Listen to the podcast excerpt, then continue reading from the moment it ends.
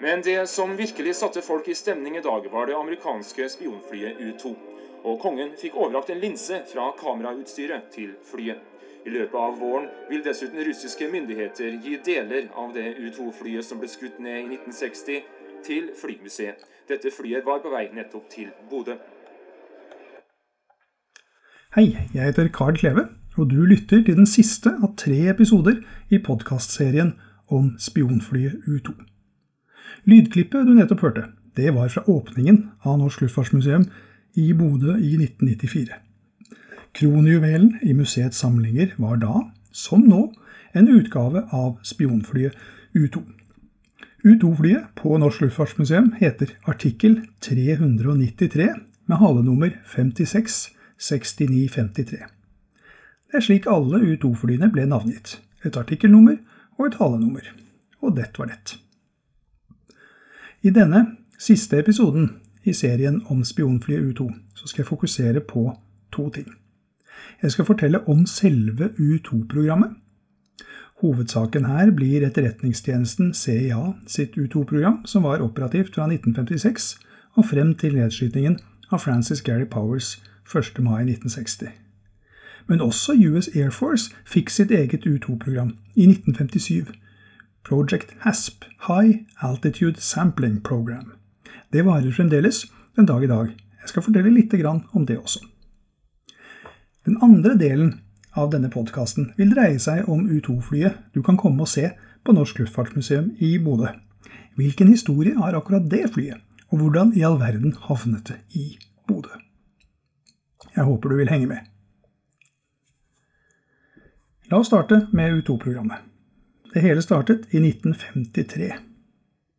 US Air Force, det amerikanske luftforsvaret, spurte da flere amerikanske flyfabrikker om de kunne tenke seg å utvikle et etterretningsfly som kunne operere dypt inne i sovjetisk luftrom. 1950-tallet, det var tiden for den store frykten. Frykten for The Bomber Gap, bombeflygapet, og mot slutten av tiåret The Missile Gap, atomrakettgapet. Frykten for at Sovjetunionen, dypt, dypt inne i de enorme ødemarkene i Nord-Russland eller i Sibir, produserte bombefly og raketter i enorme antall. Mange i Vest-Europa og Nord-Amerika fryktet at Sovjetunionen hadde overtaket i bombefly og atomraketter. USA oppfant atombomben i 1944 etter å ha brukt enorme ressurser. Men så tok det jammen meg bare fem år for Sovjetunionen å gjøre det samme. I 1949 sprengte et Sovjetunionen fullstendig utarmet etter krig med Nazi-Tyskland, tap av 20-30 millioner mennesker. Da sprengte de sin første atombombe. Og i 1953, bare ett år etter amerikanerne, sprengte landet sin første hydrogenbombe, som er en atombombe med veldig mye større sprengkraft. Når Sovjetunionen kunne ta igjen det amerikanske forspranget så raskt, til tross for de enorme ødeleggelsene under andre verdenskrig, da kunne de kanskje også gå forbi Sovjetunionens leder, Nikita Khrusjtsjov, som overtok etter Stalins død i 1953, gjorde i hvert fall sitt for å hause opp frykten.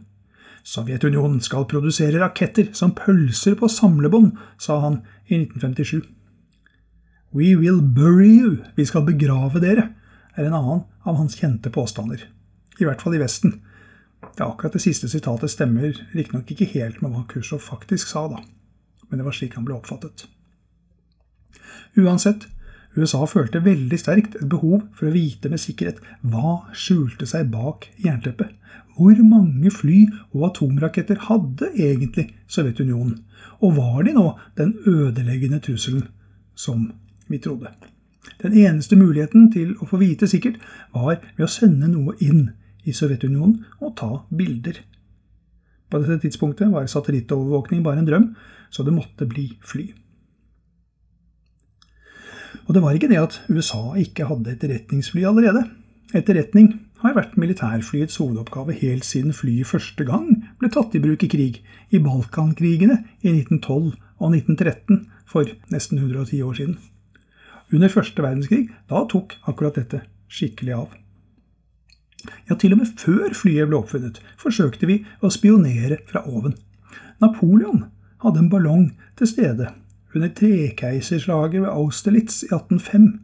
for å se over østerrikernes og russernes rekker og forsikre seg om at de ikke skjulte noen gjemte kavalerireserver bak høydedragene, slik som han selv pleide å gjøre. Men de flyene man hadde tilgjengelig per 1953, var trege og lavtflygende. De var gjerne ombygde gamle bombefly eller transportfly. Så snart de eh, forsøkte å fly inn i sovjetisk luftrom, ville de bli skutt ned før de rakk å oppdage særlig mye. Men US Air Force de trakk seg likevel fra dette etterretningsflyprosjektet ganske fort. De kom til det at risikoen var for stor. En bevisst overflyvning av Sovjetunionen, som var hele formålet med flyet, det ville kunne fremprovosere ikke bare nedskyting, men til og med krig. Å fly inn i et annet lands luftrom uten tillatelse, ja, det er allment akseptert overalt som en casus belli, en krigsgrunn. Men etterretningstjenesten, CIA, de overtok. Å ta risiko, trenge inn i fiendtlige rom, det var jo noe de gjorde hele tiden. Og piloter, det vervet de fra US Air Force. Pilotene fikk permisjon og fløy teknisk sett som sivile for CIA. Så CIA overtok og ba om et fly som kunne fly veldig, veldig høyt og være på vingene veldig lenge. Sovjetunionen var kjempestort og ville ta lang tid å overfly. Flyfabrikken Lockheed Martin de kom med et design som tok utgangspunkt i det stikk motsatte, nemlig en F-104 Starfighter, verdens raskeste jagerfly. På mange måter var Starfighter en rakett med bitte små vinger. Designeren, Kelly Johnson, han satte på lange, seilflyaktige vinger, og voila, så hadde du et fly som kunne fly raskt opp i stor høyde og bli der oppe nesten bestandig. Da CIA fikk den første testmodellen i 1955, startet de prosjekt Aquatone. Aquatone. CIA de liker velklingende navn. Aquatone det er en bildeteknikk, slik som akvarellmaling. Så litt kode, men samtidig innafor. U2 skulle jo brukes til å ta bilder. Flyfabrikken Lockheed Martin de kalte for øvrig sin nye U2-avdeling for Skunkworks, stinkdyrfabrikken. Og den fortsatte å produsere andre særlig avanserte fly etterpå, som verdens raskeste fly, SR-71, og det radarusynlige jagerflyet F-117, og det nye norske jagerflyet F-35, med flere. Men det er en annen historie. Et område i Nevada-ørkenen ble satt av til testing, ikke så langt fra Las Vegas. Area 51 Område 51 ble det hetende. Og det området har fortsatt som testområde for CIA og US Air Force sine eksperimentfly siden da. Først var det altså U2, deretter SR-71, og siden masse andre fly. Det var riktignok dårlig med romvesener, selv om en flygende tallerken var noe de også testet ut der. Jeg har sett den flygende tallerkenen selv. Den eh, ligger nå på magasin på Air and Space-museet i Washington, men det var visst en fiasko å fly. Det var håpløst å styre en flygende tallerken, vet du. Den bare spinner. Som en frisbee. Men det nye etterretningsflyet som Skunkworks laget for CA, det skulle kunne fly i 70 000 fots høyde med en fart på 400 knop. Som er altså ca. 740 km i timen. Ikke så veldig fort, med andre ord, til å være et jetfly. Høyden var viktigere. Med senere oppgraderinger så økte høyden til 75 000 fot. Jeg har også hørt det nevnt at enkelte senere flyvninger kom helt opp i 90 000 fot. 30 000 meter, 30 km, det er tre ganger så høyt som et passasjerfly. Men 70 000 fot ble uansett regnet for å være nok, både til å unngå sovjetiske jagerfly, som hadde en antatt topphøyde på 45 000 fot, sovjetisk radar og sovjetisk luftvern. Flyet fikk navnet Utility, som kan oversettes med nytte. Utility nummer to. Et diskré og uskyldig navn. Amerikanerne bruker et system for flynavn i Forsvaret, som skal si noe om hva flyet gjør, eller hva det er. Eh, så det er F for fighter, sånn som F-16. B for bomber, som B-52. C for carrier, bærer eller transport, altså, som C-130. RB for bombefly som er ombygd til rekognoseringsfly, altså spionfly, sånn som RB-47. U2 skulle sånn sett egentlig ha hett noe sånn som eh, R1, siden det var det første spesialbygde rekognoseringsflyet. Men det meste rundt U2 var jo spesielt i starten. Det var jo f.eks. ikke det amerikanske luftforsvaret som opererte flyet først, men CIA, etterretningsorganisasjonen. Og de valgte i stedet, i god etterretningsånd, å gi flyet et kamuflasjenavn. U for utility. U-betegnelsen ble ellers vanligvis brukt om fly i det man kan kalle for ymse-klassen. De flyene som liksom ikke passet helt inn i noen andre klasser. U1 var f.eks. den militære versjonen av singelotter. Mens U3 er den militære versjonen av Cessna 310, et lite 4-6-seters passasjerfly. Så U2 ble forsøkt kamuflert så godt det lot seg gjøre. Og Det var først primært tenkt brukt i Europa, og det fikk base i Vest-Tyskland sommeren 1956. Først i Wiesbaden, men etter fire måneder flyttet man til den mer skjermede basen Giebelstadt. Kort tid etter så ble det også opprettet en base i Tyrkia, og i 1957 i Japan. Da hadde man dekket både øst og vest og sør av Sovjetunionen. Som et aktivt prosjekt så endret prosjektet navnet fra Aquaton til Shallis. Shallis det betyr kalk, altså et slags beger. Jeg aner dessverre ikke hvorfor det navnet ble valgt. Men til hverdags så kalte CIA prosjektet ofte for Project Overflight. Men det navnet var nok litt for åpenlyst til å brukes offisielt. Men det var Overflight som prosjektet først ble kalt, da president Eisenhower personlig godkjente at CIA skulle få starte et eget flyetterretningsprogram med hensikt å overfly Sovjetunionen. U-2-flyene begynte å fly innover østblokken, først over Øst-Tyskland, og så våget man seg gradvis dypere inn. Allerede i startåret hadde et fly med piloten Carmine Vito greid å fly helt til Moskva, hvor han tok bilder av bl.a. bombeflyfabrikken som produserte de sovjetiske Bison-bombeflyene. I 1999 fikk Norsk Luftfartsmuseum i gave fra Carmine Vito den flightsuiten som han brukte på den Moskva-flighten i 1956. Kom og se den på museet når vi åpner igjen. Bare for å snike inn litt reklame her. En flightsuit som eh, vi fikk fra Karma Vito, det er på en måte undertøyet til en pilot. Du har vanlig undertøy nærmest kroppen, en underbukse og en trøye. Deretter kommer flightsuiten. Og den til U2 består av masse, masse knuter som må knytes individuelt. Meningen er at dersom du brått mister høyde og oksygen til hodet og står i fare for å besvime, da skal flightsuiten automatisk stramme knutene rundt bena slik at blodet presses opp til hodet og holder deg våken. Dette var nødvendig fordi det var veldig lett å miste kontrollen over et fly i så stor høyde, hvor atmosfæren er så tynn. Utenpå flightsuiten bruker man en tykk kjeledress mot kulden. For det er ekstremt kaldt også der oppe. Se ja, de ekspanderte. Eh, som jeg nevnte, kort tid etter eh, at de hadde etablert seg i Tyskland, så ekspanderte de til Tyrkia, Insirlik-basen i Adana i Øst-Tyrkia, og deretter til Japan. Og i 1958 hadde de en midlertidig base i Bodø, som jeg fortalte om i forrige episode. Men etter nedskytingen av Francis Gary Powers 1. mai 1960, som jeg fortalte om i episode 1, så avsluttet CIA sitt U2-prosjekt. Det var blitt for risikabelt da, å fortsette med overflyvninger av Sovjetunionen med fly. Og det var heller ikke lenger så nødvendig. Samme året, 1960, så hadde nemlig USA sin første spionsatellitt blitt skutt opp, etter et par års testing. Koronasatellitten begynte å sende hjem såpass bra bilder av Sovjetunionen at det ikke lenger var nødvendig å risikere flere piloters liv i fly.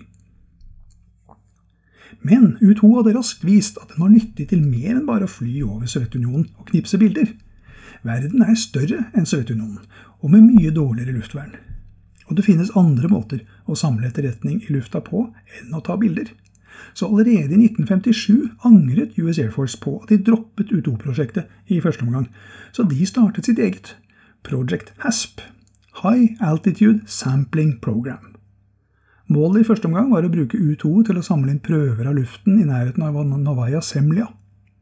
På denne øya, eller øygruppen nordøst for Finnmark og Kolahalvøya, hadde Sovjetunionen i 1955 begynt å prøvesprenge atomvåpen. I løpet av kort tid ble det aller meste av sovjetiske prøvesprengninger gjort der.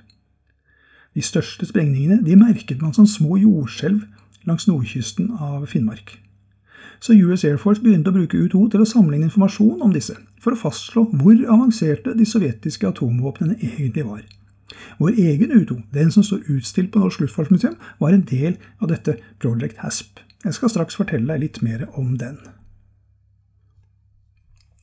Men jeg vil avslutte denne fortellingen om de amerikanske U2-programmene med å nevne at US Air Force fremdeles bruker U2. Flyet har vist seg utrolig praktisk så lenge man unngår fiendtlig luftvern. Det flyr i de fleste områder av verden hvor amerikanerne føler at de trenger informasjon som satellittene ikke kan gi.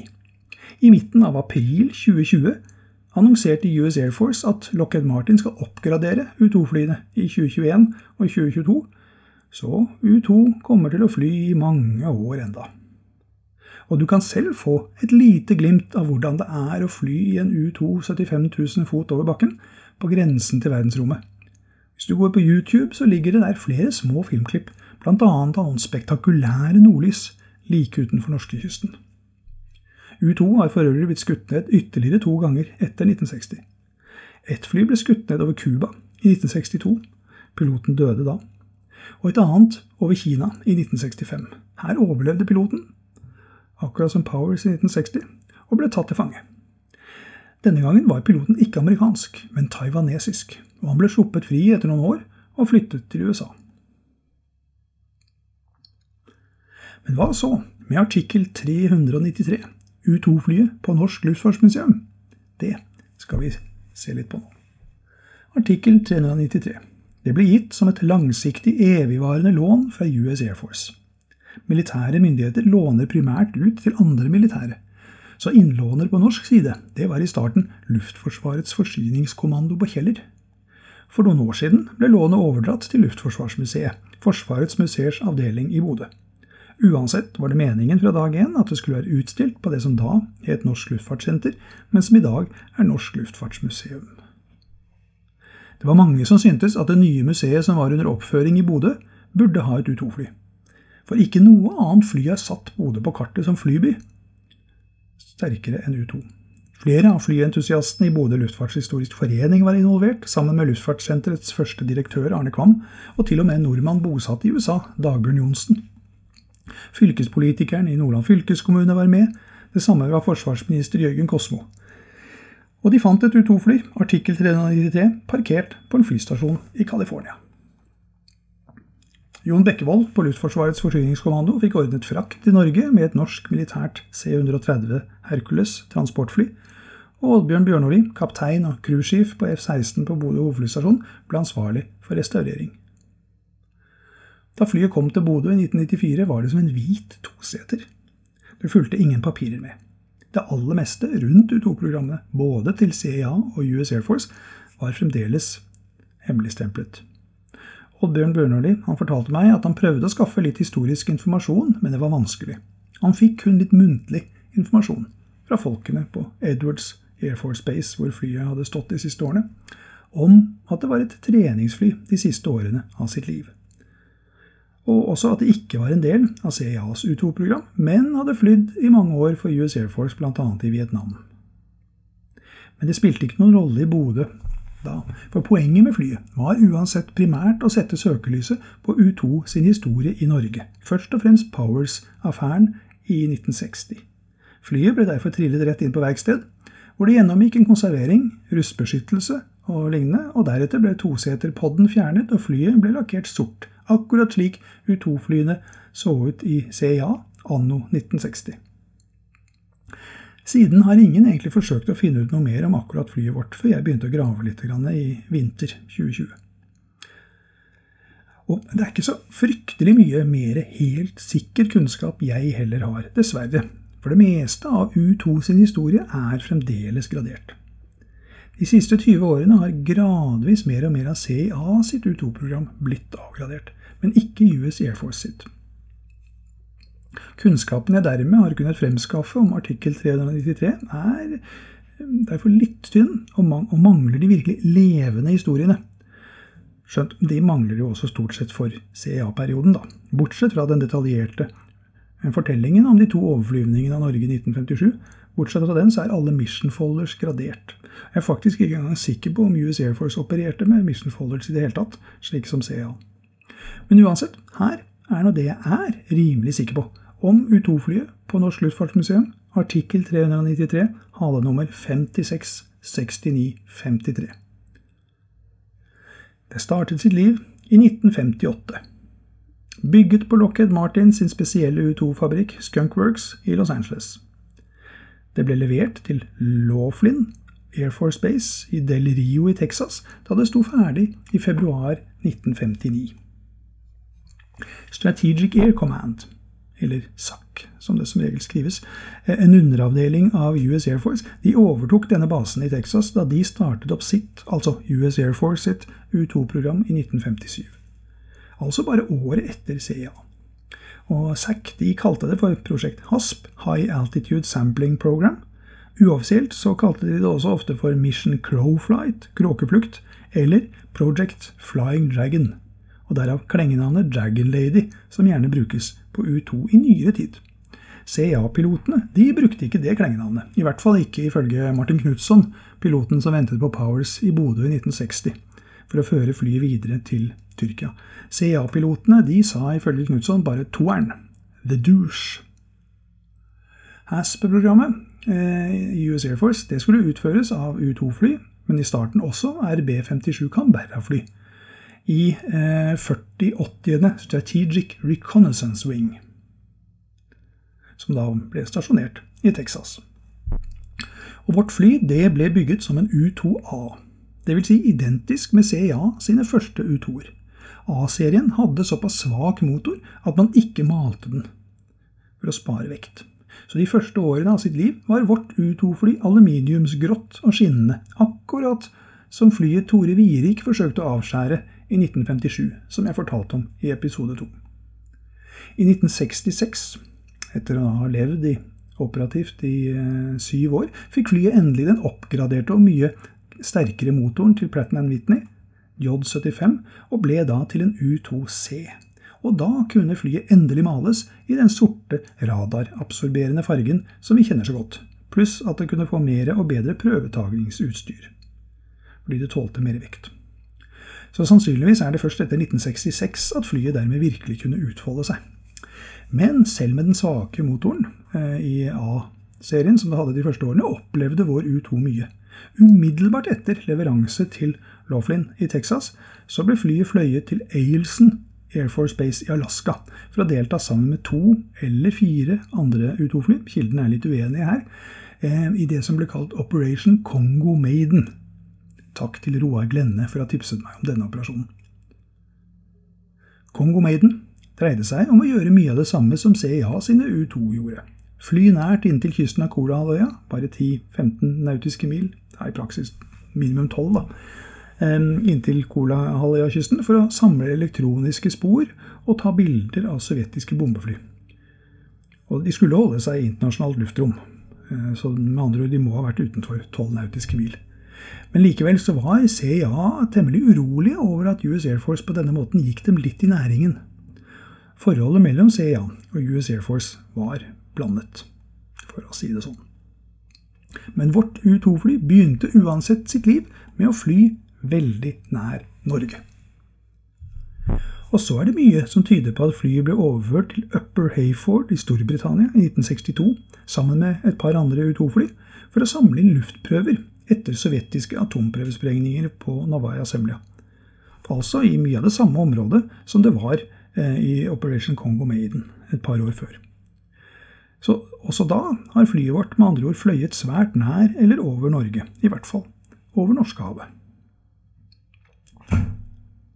Det finnes et og annet bilde av vårt fly på nettet, bl.a. et bilde av flyet utstilt på et flyshow, faktisk på Carswell Air Force Base i Fort Worth, Texas i 1966, 50 mil unna hjemmebasen i Del Rio, og da i sin karakteristiske svartmatte farge.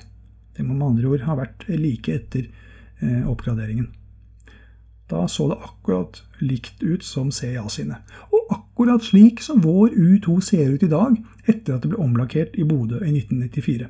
Jeg tror at restauratørene i Bodø hadde litt flaks der med at flyet vårt faktisk har sett akkurat slik ut eh, som CIA sine fly. Det var ikke bare juks å gi flyet den sorte CIA-fargen, men det tror jeg ikke de visste, sikkert i Bodø i 1994.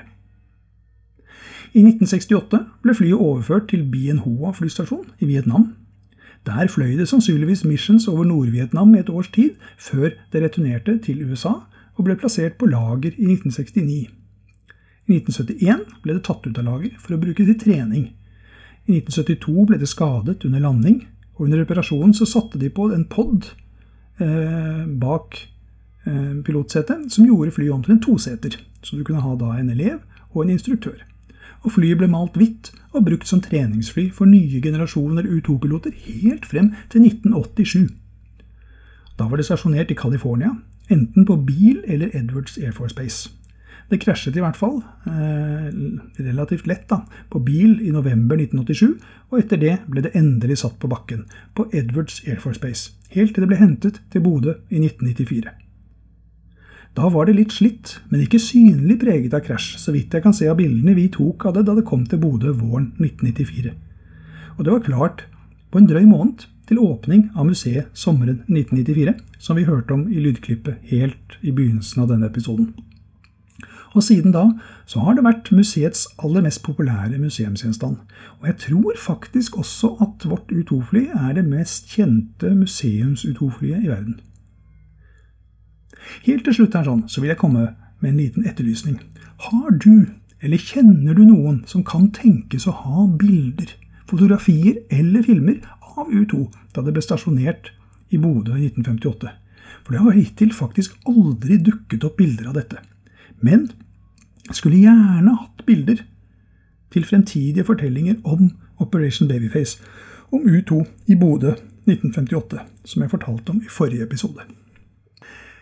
Da vil jeg få si tusen takk for oppmerksomheten.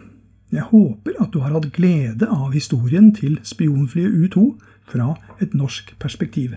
Jeg har i hvert fall hatt stor glede av å fortelle denne historien. Kanskje jeg til og med lager flere podkaster om norsk luftfartshistorie etter dette. Takk for meg.